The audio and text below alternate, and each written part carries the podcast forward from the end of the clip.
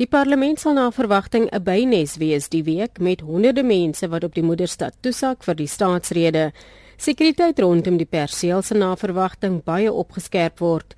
Talle paaie en hoofweë sal ook gesluit wees vir die publiek.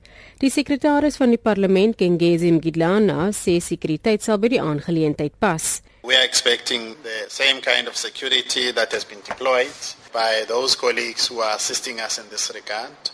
You would know that this is primarily the function that is provided to by colleagues who are working in the security cluster in this regard. SAPs have a role to play. The military have a role to play as they normally do. And then you have all the other elements of the state who perform their respective roles in this regard.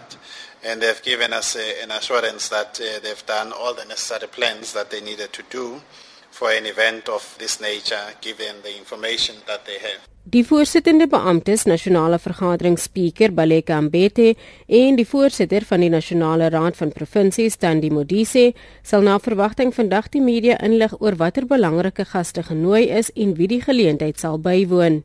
Intussen het die stad Kaapstad toestemming gegee vir 3 optogte in die stad Donderdag. Woordvoerder Priya Reddy sê die spesifieke roetes en tye is toegestaan aan 500 lede van die DA, meer as 1000 van Siskona en 5000 van die Zuma Must Fall veldtog. Reddy sê die besluit om al die optogte goed te keer is geneem na 'n vergadering met wetstoepassers. Public order policing, that's the South African Police Services were present, National Intelligence was present, the Presidential Protection Services, the SAPS legal team, the Cape Town South African Police Services, uh, as well as City Traffic and Metro Police. So there was extensive engagement, and these are the three that were granted approval. Well, there is what we call a red zone where the President will travel, and unless you are accredited, you're not allowed to enter the red zone. 'n Steekproef onder Kaapenaars dui aan dat hulle vuurwerke verwag. I think it's going to be chaotic. I mean, looking at the atmosphere between the opposition parties, EFF, DA and ANC. Alle mense het glo in hom.